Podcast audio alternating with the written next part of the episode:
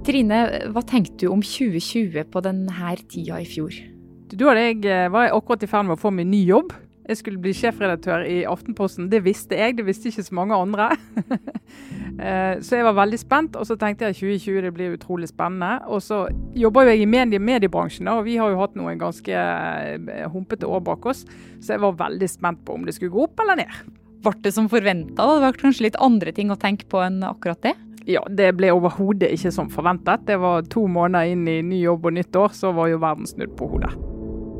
Det er vel ikke noe tvil om at akkurat dette året er et år som kommer til å skrive seg inn i historia som et kjipt år, sånn objektivt sett.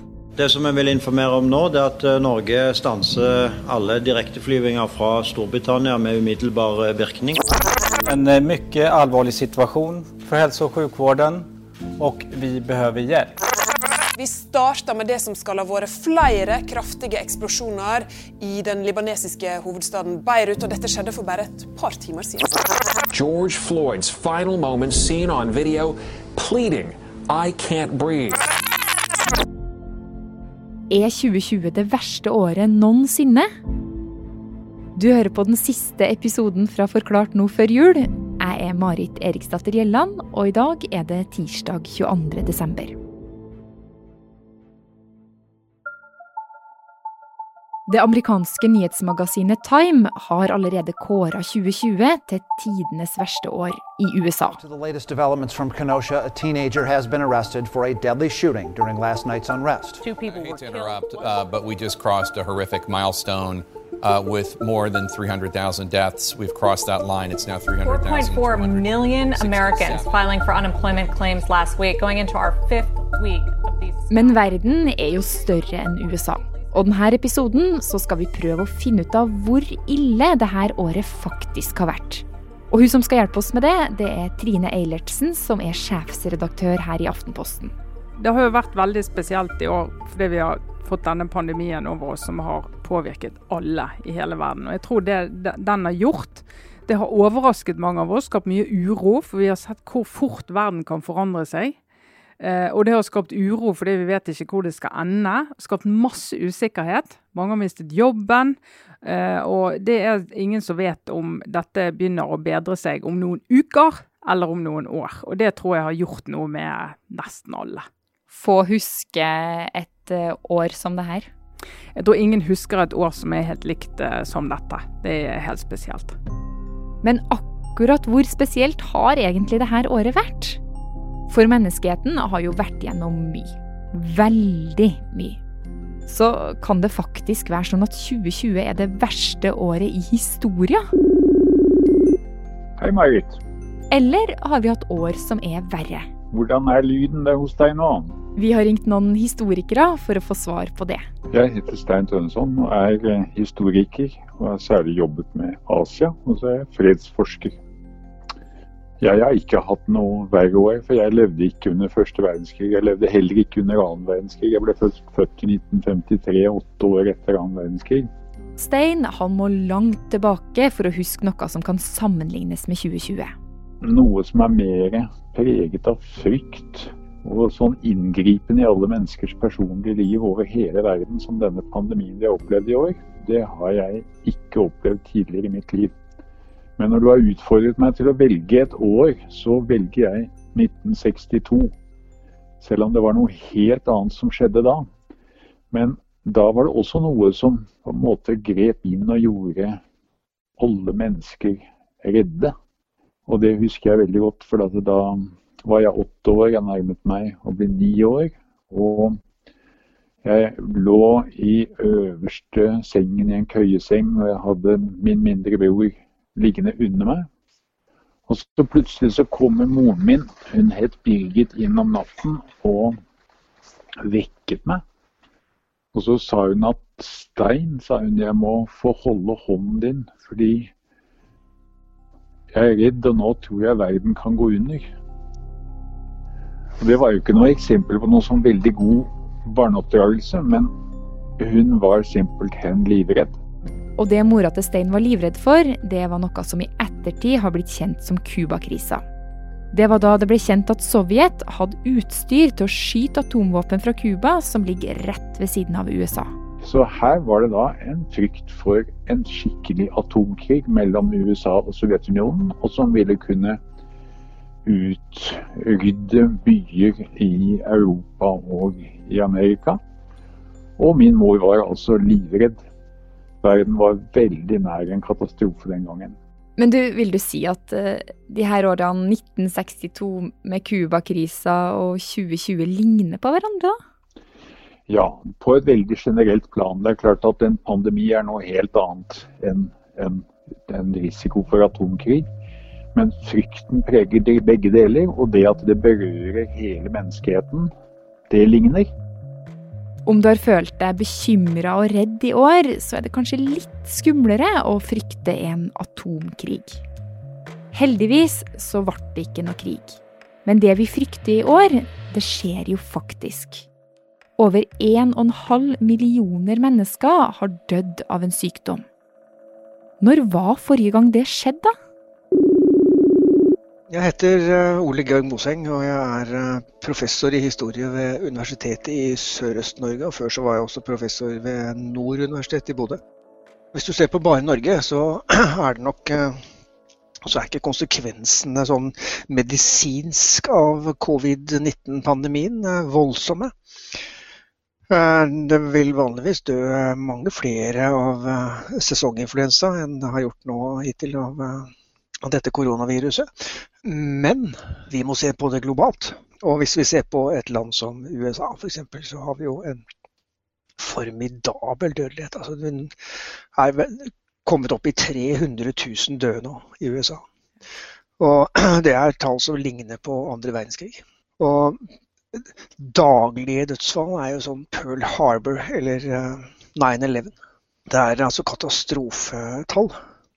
Og i Sverige så har vi også en dødelighet som eh, kommer opp mot det vi opplevde under spanskesyken, som jo var den siste store globale pandemien. Så vi må 100 år tilbake for å finne noe som ligner. Men uh, dette er det verste på 100 år. Den kanskje mest katastrofale pandemien må vi likevel enda lenger tilbake i historia for å finne.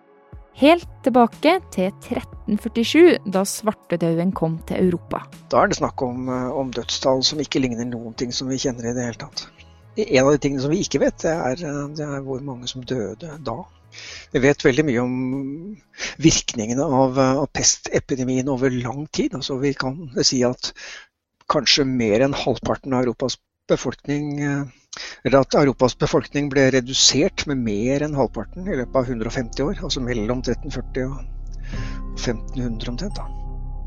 1347 og svartedauden er likevel ikke det verste året i historia. Heller ikke et av årene i andre verdenskrig, hvis vi skal tro på forskerne ved Harvard-universitetet. Det verste året ifølge dem er 536. Da var det både pest og et vulkanutbrudd som ødela avlinga over hele verden. Jeg fikk en stor askesky som gikk rent rundt eh, hele verden. og Den er altså rapportert i kinesiske kilder, i skriftlige kilder i Sør-Europa, og vi finner òg sporene i iskjernene på Grønland. Jeg heter Frode Iversen, og jeg arbeider som professor i arkeologi på Kulturhistorisk museum Universitetet i Oslo. Det som er problemet, er at du får et slags eh, støvlag. De kaller, det kalles aerosoler, men det er fine partikler som skygger for solen. og Da får du altså ikke den veksten. Du kan ikke dyrke maten din, og eh, du får veldig dårlige år. Og Dette skjedde i mars 536, og det skjer altså på tampen av vinteren. En ser frem til våren og grøten, og så blir det en bleik sol som ikke klarer å forkåne modent, og det blir altså ganske trått og stritt. Det blir flere år uten, uten grøde og vekst, for denne skyen henger i. Og, og det kom òg et vulkanutbrudd noen få år etterpå. Og I tillegg så kommer det da òg en pest, nemlig den justitianske pesten, som var en stor byllepest. Altså en pest med bakterier, ikke virus, sånn som covid-19, men, men en bakteriepest som var helt fryktelig og Den løses altså ut i årene etter denne eh, på en måte matvarekrisen som en får de årene uten vekst. Og du har en svekka befolkning som ikke får i seg næring. Og så kommer òg denne grusomme bullepesten. Så det vi kan lære av det her, er vel også at ett illeår liksom Det er ikke et isolert år. Det kan eh, komme illeår etter det ene illeåret også? Ja, det er jo noe som heter at en ulykke kommer sjelden alene. Og nå skal vi jo ikke kanskje krisemaksimere her, men det er klart at et samfunn er jo ekstra utsatt hvis en har en pågående krise, og så kommer det en til. Så skulle vi være riktig uheldige nå, så skulle det være et stort vulkanutbrudd som kom på toppen av det vi opplever med pandemien. Sjansen for at det skjer, er jo ikke veldig stor. Men innimellom i menneskehetens historie så har det skjedd. At du får flere kraftige ting som på en måte løper sammen. Og da er det ikke greit å Ja, da kan en begynne å snakke om at det er ille. Men er vi helt sikre på at 2020 ikke er et sånt år allerede? For det har jo skjedd veldig mye mer enn en pandemi.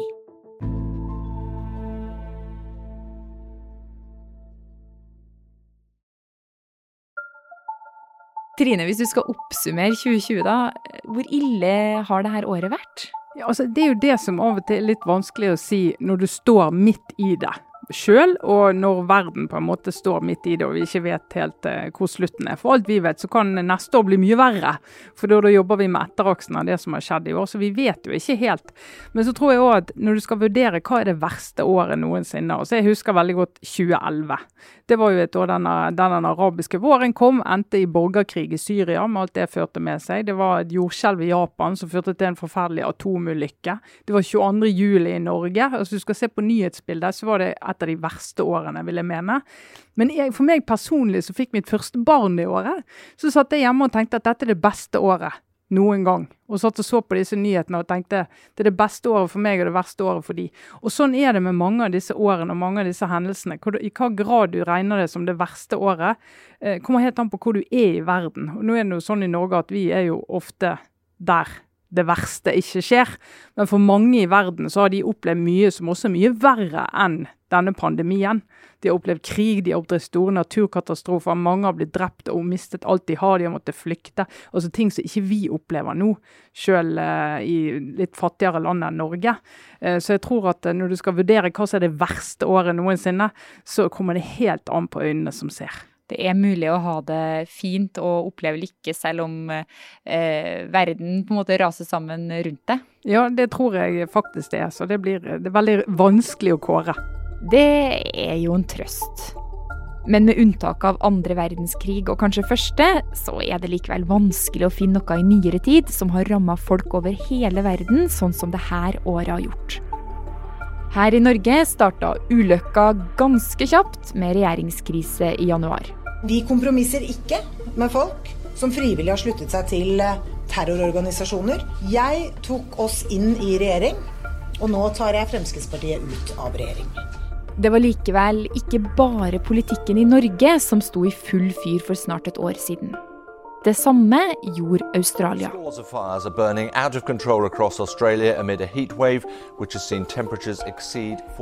Australia forbereder innbyggerne i den sørøstlige delen av landet seg på nye skogbranner mot helga.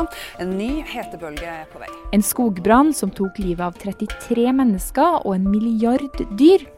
Enkelte arter ble nærmest utrydda. Og det var jo også masse branner i USA i sommer som man ikke klarte å slutte, eh, avslutte. Og det er jo en påminnelse om eh, klimautfordringen vår. Hvordan dette, altså ekstremvær også i form av brann, faktisk er et problem som vi er nødt til å om ikke venne oss til, men det ser jo ut til at det kommer oftere enn vi er vant til. Og de brannene i USA forsvant jo litt her eh, i nyhetsdekningen vår pga. Eh, korona bl.a. Ja, for vi var jo ikke så veldig mange ukene inn i det her året før et uh, mystisk virus begynte å teppebombe overskriftene. Um, og det samme kan vi vel egentlig si også om det amerikanske presidentvalget. Det har jo prega året ganske heftig. Vi, vi, begynte jo vi, Dette med USA og valget i USA og presidenten der, det visste vi jo at det kom til å bli spesielt i år. Og jeg tror mange av oss lurte på hvor galt det skulle gå, og at han faktisk skulle nekte å vedkjenne seg valgre, vedkjenne valgresultatet. Det tror jeg nesten ingen hadde trodd, men sånn ble det. Eh, men så begynte vi å få disse meldingene om dette viruset. Eh, som eh, kom fra Kina, mente man. Og det var diskusjon om alvor i det og hva vi skulle gjøre med det. Eh, men jeg tror ikke noen av oss helt i starten der så rekkevidden av det i det hele tatt. Det var noen leger og noen smittevernseksperter som sa at dette er noe annet. Men jeg tror alle vi andre, vi er jo mennesker, så vi er veldig her og nå. Og tenker så lenge ikke det skjer meg akkurat nå, eh, så går det bra. Eh, men så gikk det jo ikke mange ukene da, før vi innså alvoret. Men det du sier der, Trine, med at uh, det tok litt tid før mange egentlig skjønte at det her var alvorlig. Altså, jeg husker jo selv at jeg uh, så på nyhetene om at uh, koronaviruset kunne komme til USA og drepe 100 000 mennesker. og Det hørtes jo helt sånn Et sånt umulig tall, liksom, at det, at det, skulle skje. Og nå når vi nærmer oss årets slutt, så er vi på 300 000. Altså, har vi lært noe av det her? Altså, tror I starten så tror jeg mange av oss tenkte at ja, men det er jo sånn de snakker om uh, årets influensa er ekstra sterk, og den kan ta så og så mange tusen liv, og det går med inn det ene øret og ut det andre. Uh, men jeg tror det som ble den store forskjellen for mange av oss da, i jobben med å forstå alvoret, det var når vi skjønte hva det ville bety for helsevesenet vårt hvis det ble fylt opp av intensivpasienter eh, som var smittefarlige, og så fylte opp sykehusene som gjorde at andre ikke kunne få behandling, eller at ikke de kunne få behandling. For da så vi plutselig at det skulle ikke så mye til. Det skulle ikke så mange flere hundre pasienter til i et land som Norge før det ville være komplett krise. Og jeg tror når den erkjennelsen begynte å spre seg, det var da alvoret falt inn òg. Og vi skjønte at det handler jo ikke bare om meg, om jeg kan bli syk. Det handler om hele systemet vårt makter å håndtere akkurat denne pandemien. Og det har vi jo lært, mener jeg, at vi er nødt til å forstå det raskere for å kunne gjøre tiltak raskere. Og så har vi jo lært veldig mye om tiltak, og hva som virker og ikke virker. Eh, hva som har for høy pris, og hva som har en pris vi faktisk er nødt til å leve med. Nå før jul så har altså viruset tatt mer enn 1,5 millioner liv. Helsevesenet i byer i USA, Italia, Sverige, Belgia, Spania har brista eller vært nær ved å briste. Skoler har holdt stengt, og barn har ikke fått undervisninga de har krav på. Og ensomhet, savnet etter en god klem eller noen å spise middag med, det er noe nesten alle har kjent på i år. Men dessverre så har det også kommet en del andre kjipe nyheter i år.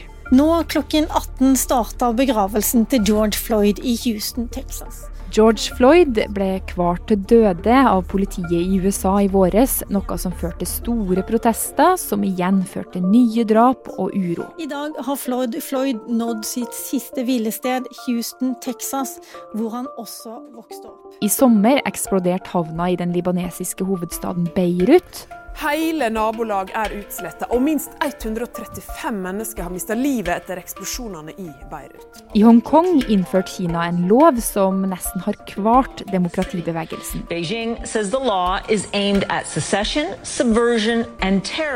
Den russiske opposisjonspolitikeren Aleksej Navalnyj ble forgifta og nesten drept. To kriger starta, én i Etiopia og én i Nagorno-Karabakh. Frankrike ble ramma av ekstrem islamistisk terror.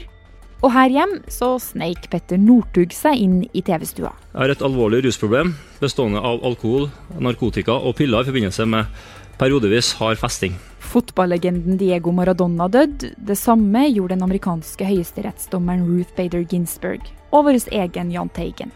I Polen ble det praktisk talt ulovlig med abort, og flyktningleiren Moria brant til grunnen i Hellas. Det er rett og slett til å bli deprimert av. Men finnes det lysglimt? Jeg skal innrømme at jeg er en av de som ble glad for at Joe Biden vant valget. Det må jeg si. Var, jeg, var, jeg, var, jeg, var, urolig de nettene før det valget, men jeg ble glad når han vant valget. Og en del andre gode ting også, da. Vi fikk jo utvikla en koronavaksine på rekordtid. I Norge så gikk klimautslippene ned og har ikke vært så lav på 27 år og millioner av mennesker rundt om i verden har tatt til orde mot rasisme. Så hvis vi legger alt dette brae på ei vektskål sammen med det negative, hvor havner det her året da? Nei, jeg tror Historisk vil vi huske det som et ganske grått år, og vel så det. Eh, og det handler jo om hvor mye folk har mistet dette året. Eh, og én ting er jo i Norge der vi har, eh, der vi har sikkerhetsnett for folk som mister jobb, og, og folk som får syke slektninger. Men i mange land har du ikke det. Så det har vært ufattelig dramatisk og ufattelig mørkt og ufattelig tungt. Og mange har dødd helt alene. Altså det er helt annerledes enn det vi er vant til. Sånn at jeg tror vi vil, med lille unntak om at du får et lite maktskifte i USA, forhåpentligvis, så, så tror jeg vi kan si at dette kommer til å gå ned i historien som et av de mørke årene. Men du, altså triste år som det her, med kriser og sånn, hvilke konsekvenser har det for årene som følger? Ja, for det, for det, er jo det som er interessant. Altså, vi har jo hatt forskjellige eh, kriser. Du kan ha naturkatastrofer som gjør at du får en svær ulykke i et land, veldig mye drama, og du må bygge opp igjen det. Og du kan ha eh, ja, faktisk en epidemi eller en, en liten eh, altså sykdom som ødelegger for et land. Eh, du kan til og med ha en konflikt med et annet land eh, som er veldig dramatisk, men som når det er over, så begynner du å bygge opp igjen. Det vi har sett, er jo at en del av disse økonomiske krisene, altså helt fra krakket på 20-tallet og opp igjennom og hele 30-tallet, det har vi sett at du tror at du står midt i krisen når det skjer, men krisen driver faktisk og utvikler seg og blir kanskje verre og verre og verre i årene etterpå. Vi så det etter finanskrisen i 2008, eurokrisen. Eh, hvordan disse landene, velferdssystemer bryter sammen. Du har ikke penger til å finansiere eh, skoler, sykehus. Folk er arbeidsledige i mange år, har ikke råd til å eie et hjem, har ikke råd til å kjøpe et hjem. Altså, og det preger liksom generasjoner. Hvis du har sånn fem, seks, syv, åtte, ni, ti år før du kan bygge opp igjen og komme tilbake til normalen, og folk kan ha en vanlig forventning til at livet deres skal bli bedre. Eh, når den forventningen brytes, så vet vi at det gjør noe med psyken i et samfunn, og, og, muligheten til at landet skal utvikle seg. Sånn at det var ille i år, men er vi skikkelig uheldige, så blir det faktisk enda verre de neste årene. Ofte. Hva betyr det for 2021? Nei, Det kan bli, hvis vi ikke nå får uh, ordentlig sving på dette viruset og klarer å rigge oss sånn at vi klarer å bygge opp igjen økonomiene raskt. Hvis det er mange, for mange som har falt under, mistet alt de har, mistet jobb, mistet investeringene sine, mistet liksom grunnplanken i livet, og det tar lang tid å bygge det opp igjen. Pluss at den utryggheten som du får når noe sånt har skjedd, Eh, den utryggheten folk får i seg, gjør at de kan bli mindre villige til å ta risiko, til å investere, til å bygge noe nytt. Eh, og da kan du få et sjikt i flere samfunn som eh, er preget av elendighet, rett og slett. Nå er det jo sånn at Korona kommer jo definitivt til å prege overskriftene her i Aftenposten og episodene våre i Forklart også i året fremover. Men er det andre ting vi kan forvente oss av det neste året, sånn nyhetsmessig? Altså, Vi er jo nødt til å hente opp igjen klimadiskusjonen, da, som jo er en av de mange temaene og sakene som ikke har forsvunnet, men som ikke har fått den oppmerksomheten som alvoret i saken krever. Eh, vi skal jo bl.a. inn i en valgkamp i Norge til neste år, når vi begynner å nærme oss eh, slutten av sommerferien. Eh, sånn at du skal få mye norsk politikk. Eh, og i USA blir det jo også spennende å se hvordan eh, dette valget og måten det blir gjennomført på, hvordan det preger det landet. Om det klarer å komme tilbake som et land som andre land kan regne med. Og det er viktig for et land som Norge, som er et, for å bruke den gamle klisjeen, det er et lite land i verden. Vi er avhengig av partnere som virker og i Storbritannia, som nå står på randen av eh, brexit nok en gang, eh, så eh, kan det bli to store, viktige land. Så hvis de har for store problemer, så blir det problematisk for oss òg. Så det kommer mange overskrifter om de. Og så kommer disse ulykkene, ref. Beirut, som vi ikke vet om, ikke kan forvente. Katastrofene, skogbrannene. Disse kommer jo til neste år òg. Men vi vet bare ikke når eller hvor. Er det noen ting du nå på tampen av året gleder deg til? da, Noen ting positivt som vi kan uh, liksom lære av? du, Jeg eh, begynte å glede meg til sommeren, jeg. Rett og slett fordi at nå tenker jeg at da er vi over det verste koronamarerittet. Og vi må bare klamre oss til de lyspunktene vi har sånn i stort. Og så er det jo uh, dette her med å få lov å begynne å møte litt folk igjen. Det gleder jeg meg til. Kunne invitere folk hjem kunne dra på besøk, kunne dra hjem til noen og spise middag. Det gleder jeg meg skikkelig til. Det skal jeg sette stor pris på. Og litt smak av det får du kanskje i jula? Det får jeg. Jeg skal hjem til mine foreldre i jul, så det blir hyggelig.